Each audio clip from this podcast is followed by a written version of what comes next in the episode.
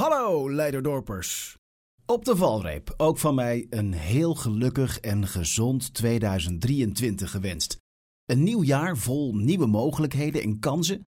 We vangen opnieuw aan, we maken een verse start, we beginnen met een schone lei. En natuurlijk zit ook ik vol met goede voornemens. Maar heel verschillend van de voornemens die ik een jaar geleden had, zijn die overigens niet. Ik wil nog steeds Spaans leren. Ik wil nog steeds 5 kilo afvallen voor de meivakantie. En ik wil nog steeds vaker leuke momenten beleven met vrienden en familie. Oké, dat laatste is me dan wel gelukt in 2022. En het is waarschijnlijk ook meteen de reden dat dat afvallen nog niet zo wil vlotten. Maar belangrijker nog dan die persoonlijke doelen zijn misschien wel de voornemens die we hebben met elkaar. Hoe gaan wij als leiderdorpers met elkaar om in dit nieuwe jaar? Wat voor soort mensen willen we zijn? Wat voor inwoners zijn wij van onze woonplaats?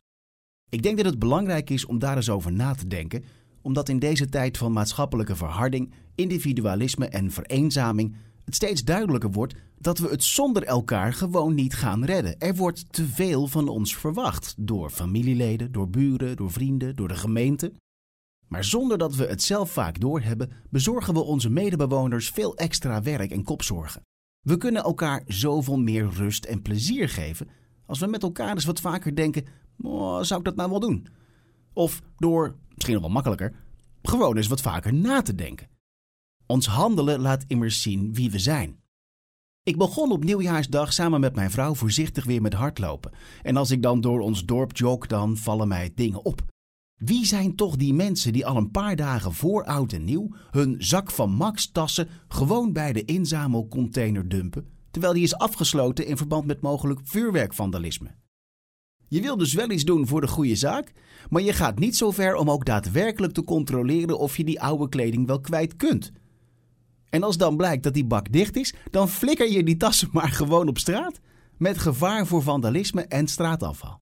Ook wonderlijk. Mensen die de gevulde poepzakjes van de hond in het gras naast de vuilnisbak gooien, omdat deze kennelijk nog niet geopend was door de gemeentereiniging.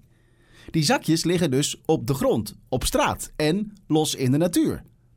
Je wilt dus wel meewerken aan het oplossen van het met name door kattenliefhebbers gevoelde hondenpoepprobleem, maar op het moment dat je een strobreed in de weg wordt gelegd, gaat je gevoel voor logisch nadenken gewoon het raam uit. Gelukkig zijn er meer hondenbezitters zoals ik die het geen probleem vinden om die kakzak gewoon mee te dragen tot er een prullenbak volgt die wel open is.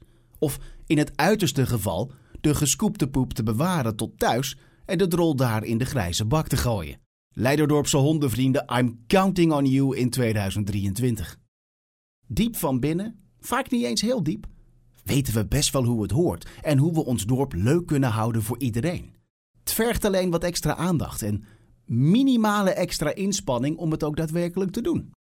Daar word jij een beter mens van, je omgeving vrolijker en Leiderdorp een nog fijnere plek om te leven. Groetjes van Joost van der Stel. Tot over twee weken.